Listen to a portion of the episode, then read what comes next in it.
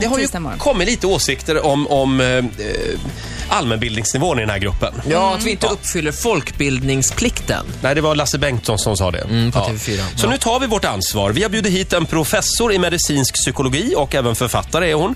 Eh, hon är expert på hjärnan. Det här tycker vi är väldigt spännande. Välkommen hit, Åsa Nilssone. Ja, god morgon. Nilssonne var det väl ändå? Förlåt, jag har övat hela morgonen. Nilssone. Min hjärna är inte riktigt påslagen ännu. Nej. Ja, får jag bara fråga först. Hur ser hjärnan ut? Är den grå, eller? Ja, det, när man tittar på hjärnan så ser man att det här är inte någon del av kroppen som det egentligen är meningen att man ska se.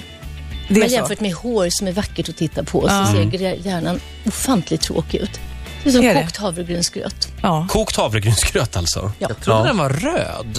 Nej, den är grå och så lite designad sådär så att den, den har liksom en framdel och en bakdel. Som, Och hur mycket väger den typ? Hur stor är den?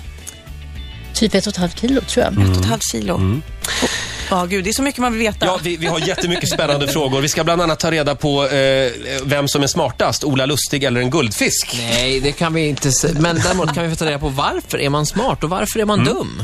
Ja, hörni. Vi har en expert på hjärnan här den här morgonen. Åsa Nilssonne gästar oss den här morgonen. Man blir lite nervös Rätt, rätt, nästan. Kan, Blir, blir du nervös, Ola? ja, men kan du se liksom, ser du vem som är smartast här och vem som har mest utvecklad hjärnfunktion? Självklart, det ingår i utbildningen. Man Ja. får en slags inbyggd som Stålmannen. Ja, Scanner. ja, precis. Du, Åsa. Eh, är det sant att vi bara använder en jätteliten del av hjärnan? Nej, det är fel. Det är fel. Det är fel. Vår hjärna har fullt sjå att hålla reda på allting som händer runt omkring oss och i oss. Men det sägs ju att den är så outforskad, hjärnan. Den är delvis outforskad, men att det skulle finnas några enorma resurser, alltså typ en oljefyndighet som man inte har anat och som man plötsligt snubblar över, det kan man nog säga att så är det inte. Inte det, nej. Nej, Och tyvärr. har du jämfört, man, man pratar ju ofta om det här med likheten med apor och så vidare, och det är väldigt, väldigt likt. Vad är det som diffar likt. då? Det delvis är det våra prefrontallober som de heter, alltså den delen av hjärnan som sitter ovanför ögonen. Ehm, med den så planerar vi och vi till exempel lägger upp ett radioprogram och den som har designat det här rummet har använt den delen av hjärnan för att försöka tänka vad kommer de här människorna att behöva, vad vill de ha? Så att vi kan skapa scenarios över sånt som inte finns ännu. Så planera ett hus som inte är byggt ännu, skriva en bok som utspelar sig på någon avlägsen planet. Allt det kan vi göra med frontalloberna. Men, blir- Förlåt, men det kan alltså inte apor göra då, nej? Alltså, schimpanser och babianer har visserligen frontallober, men de är lite mindre än vad våra är och man tror att de inte har samma förmåga att, att eh, tänka sig framåt och bakåt i tiden som vi har. Jag är också fascinerad över, om man tittar på människokroppen så det känns som att hjärta och lungor, man kan gå in och man ser ju, det fylls med blod eller luft. Men hjärnan, hur sjutton kan man, tankar är ju helt abstrakta, de syns ju inte. Men det är det som är så otroligt fantastiskt med vad som har hänt inom forskningen de senaste eh, 10-15 åren. Tidigare var det faktiskt så. Nu kan vi se tankarna. Hur kan man se tankarna? Man stoppar in sig själv eller någon annan helst i en, eller sig själv, i en magnetkamera. Som avläser hjärnans aktivitet. Och sen kan man till exempel säga till den här personen, tänk på en stor elefant. Så tittar man vad händer i hjärnan? Och sen säger man, tänk på en bil. Och så tittar man vad som händer i hjärnan? Och så visar man kanske en bild av en get. Och så tittar man vad som händer i hjärnan. Men då blir det olika färger då, som man Det ser? olika aktivitet som syns som olika färger. Det Eller- känns ju som att eh, man skulle kunna göra en ny form av lögndetektor då. Antagligen så, så finns det folk som sitter och jobbar på det. Mm. Men det är helt enormt att titta på de här hjärnorna och så ser man sorg och man ser glädje och man ser hur hjärnan aktiverar en del av sig själv för att hålla nere känslorna lite grann eller tvärtom. Mm. Jobbar människohjärnan bättre idag än för 40 år sedan? Alltså blir vi, sma, blir vi Trimmar vi den? trimmar vi den hela tiden? Ja. Det värsta är att vi har ju ingen, ingenting att jämföra med. Så Nej. att, antagligen så arbetar hjärnan lite annorlunda därför att hjärnan påverkas väldigt mycket av de uppgifter som vi ställer inför. Spelar vi väldigt mycket tv-spel till exempel så blir vi jätteduktiga på hand-öga-koordination. Jätteduktiga på att fatta väldigt snabba beslut men antagligen lite sämre på att hålla koncentrationen länge innan det händer något. Så vi får en hjärna som blir jättebra på att spela dataspel och det kan ju vara fördelar och nackdelar när man då kommer ut i verkliga livet. Och på 40-talet fanns det nog färre hjärnor som var specialutvecklade åt det hållet. Har man olika anlag? Det, eh, alltså, eller typ om, om man växer upp på samma sätt, har ungefär samma gener eller kommer från samma föräldrar i alla fall. Har man, eh, eller kan Ola och jag bli lika smarta om vi börjar från början? Liksom? Eller har man olika anlag eller är hjärnan olika stor? Liksom? De som forskar på det här brukar säga att um, alla som har mer än ett barn förstår Är lite smartare. forskningen. nej, nej, nej. Tyvärr, tyvärr, tyvärr. Jag tror, jag tror i och för sig att man, man utvecklar sin smarthet av att ha barn. Det tror jag absolut. Och jag tror därför att du som har fyra barn liksom ligger väl till. Hör ni det killar? Ja, jag tvivlar på den uppgiften, men ja. ja, men varje barn är som ett litet eget gym. Alltså för varje barn måste man ju tänka om, lära nytt.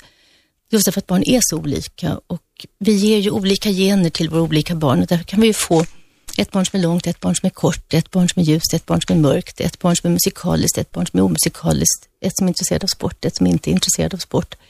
Även om vi uppfostrar dem ungefär på samma sätt. Är det så att 90 procent ligger i generna klart och det är bara 10 Nej. pro- ja, Nej, För det nej. har jag hört någonstans, Ja. att det är bara 10 procent som man förändrar socialt. Nej, nej, nej. Det är, de som forskar på det här, de gör så att de delar upp det. Det visar sig att vissa saker är mera styrda av generna än annat. Mm. Och eh, akut, eh, vad heter det, Ehm, vad heter det när man hör varje ton? Absolut gehör. Ja, just det. Det lär vara 100% genetiskt. Ja. Man har det eller man har det inte. Ungefär som man kan rulla ihop sin tunga. Eller Ja. inte. En del kan det, en del kan En del inte. kan det en del kan det inte. Det är helt genetiskt. Och sen finns det väldigt mycket annat som, Mm. som det kan vara 30% generna, 70% miljön eller tvärsom. Det måste man titta för varje enskilt drag. Mm. Men om man ger sig attan på det, man bara bestämmer sig, nej, banne mig, jag vill bli riktigt smart. Och om smart då är likhetstecken med allmänbildad och eh, det kan man ju för sig läsa sig på. Men, men kan man öva upp hjärnan så att man blir smartare? Alltså jag tycker man kan jämföra med, med idrott. Det finns massor med små killar som skulle vilja vara som Zlatan. Mm. Och flertalet har inte förutsättningarna. Hur mycket de tränar så kommer de inte riktigt att bli, nå upp till den nivån. Fast de kan bli Bli mycket inte bättre. nu, Ola. Men vänta nu, Zlatan är ju enormt duktig på att spela fotboll. Ja. Men är han, är han då sämre på någonting annat? Tar han då resurser från hjärn, någon annan del av hjärnan? Nej, det, det som är lite orättvist verkar vara att det inte är på det sättet. Tidigare så tänkte man ju att var man händig så var man inte lika bra på det intellektuella och, vad man, och så vidare. Men när man har gjort studier så har det visat sig att så är det faktiskt inte. Man kan vara både bra på att lösa matematiska problem och på att hamra och på att spela fotboll. Sådana människor är ju jobbiga, som är bra på allt. Du Åsa, sitt kvar. Vi pratar mer alldeles strax. Vi har bland annat en väldigt spännande fråga från Samuel Fröler, skärgårdsdoktorn. Ja, just han, han var här igår och vill ställa en fråga till dig. Åsa Nilssonne gästar oss den här morgonen. Hon är professor i medicinsk psykologi och även författare. Expert på hjärnan. Vi är lite nyfikna på hjärnan. Eh, igår var Samuel Fröler här, mm. skärgårdsdoktorn. Han har en fråga till dig. Ja. Kommer här. Hej Åsa. Jo, eh, så här. Jag skulle vilja eh, prata med dig om minnet. Helst skulle du suttit här för det är svårt att ställa en fråga. Men det finns ju närminne, det finns ju distansminne. sen finns det ju det här skådisminnet då. som jag kanske har. Nu har jag pluggat in, nu sitter det liksom 120 sidors dialog i huvudet på mig från byggmästare Solnäs. Och vad är det för minne då? Och, för jag har kass närminne. Jag kan inte komma ihåg vad jag gjorde igår till exempel. Eh, och eh, vad, eh, kan man träna det här minnet? Då kommer du säga, ja det kan man. Jo, men kan man träna liksom så att man håller den, den annalkande demensen på avstånd? Eller kommer den oavsett? Oj. Nu ville det komma reklam där också mitt uppe i allt. Är vi mitt i reklam nu? Nej, nej, det, det, det är vi inte, Det Ola. här är reklam för hjärnan. Det var din hjärna som spelade dig ett spratt. Vi, vi tar Samuels fråga. Kan man träna minnet? Alltså det är ju helt uppenbart. Hur många av oss skulle kunna hålla 120 sidor eh, dialog i huvudet? Ja, Bara inte rakt jag. av. Ja, nej. Och det är ju ingenting man lär sig över en natt.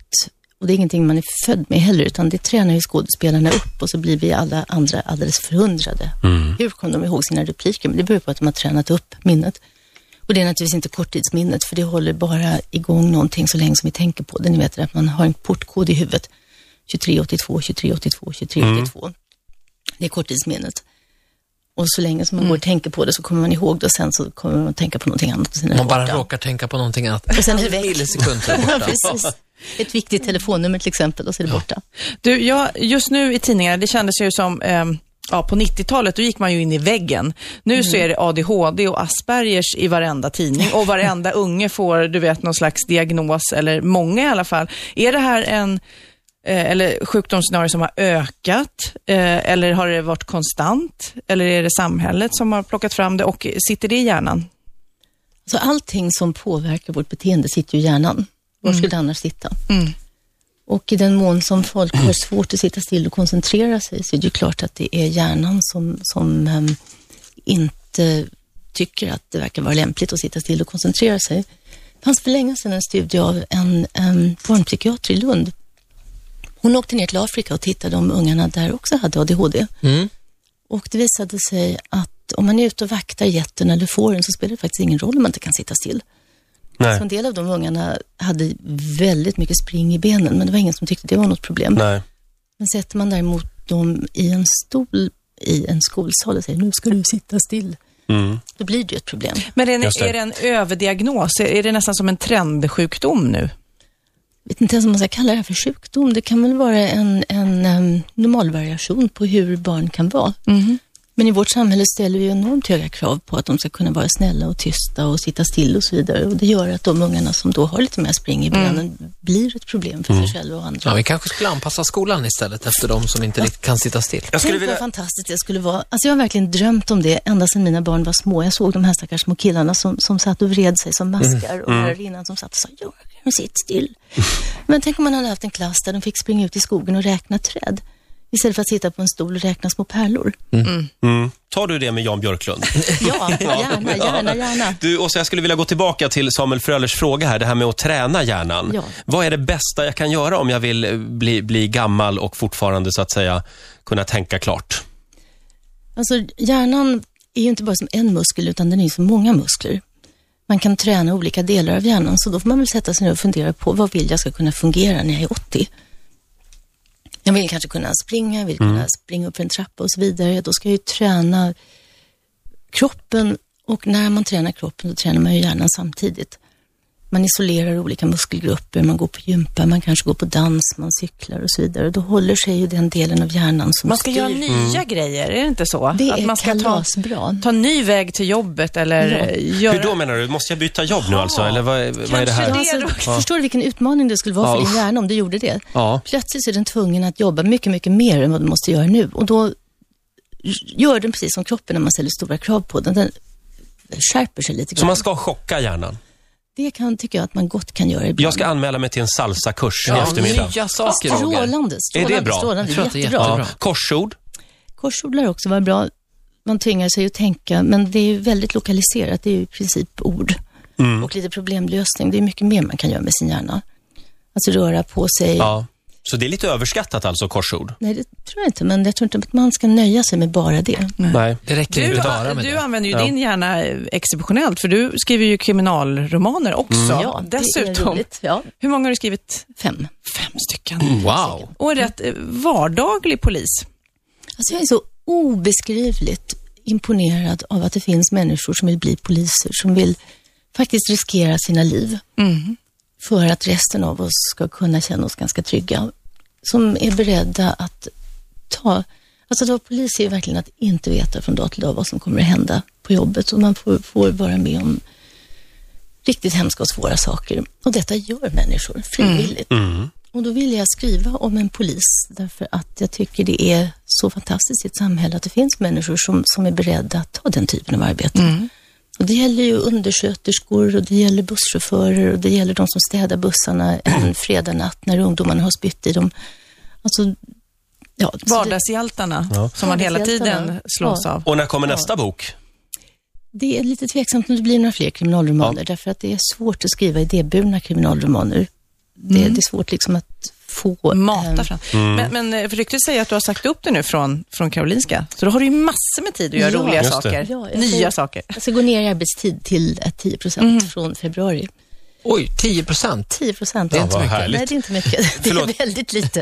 Eh, förlåt, jag har bara en fråga till om hjärnan här. Eftersom jag var ute på krogen i lördags och måste bara få veta eh, hur många hjärnceller jag blev av med, tror du?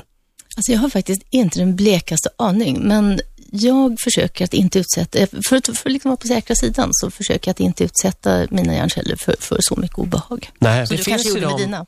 Det finns ju de som hävdar att eh, när man dricker rödvin då känner man sig ofta väldigt smart. Och det är för att eh, eh, rödvinet tar död på hjärnceller, men bara de dumma hjärncellerna. Stämmer det? Nej. Det stämmer inte. Du, imorgon... Men, men förlåt, men skapas det nya hjärnceller eftersom, eller? Det är det som är så också fantastiskt som vi har fått reda på ganska nyligen. Man trodde ju inte det tidigare, men det visar sig att hjärnan producerar hela tiden nya små hjärnceller.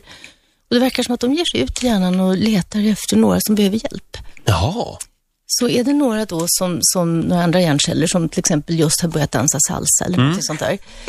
Och så är det jättesvårt och du dansar fel hela tiden. Ja. Och då säger de där små hjärncellerna, men hallå, jag behöver lite, vi behöver hjälp här, vi behöver förstärkning, kom hit så vi kan bli några fler så den här killen kan liksom gå med rätt håll åt sin, åt Vad rätt håll med sina gulligt fötter. att de dansar salsa Ja. i din hjärna då. Och då kommer de där små nya cellerna och så ansluter de. Det är fantastiskt. Wow. Imorgon så har vi Markoolio Ja. och eh, Benjamin Wahlgren här som gäst. Har du någon fråga till dem?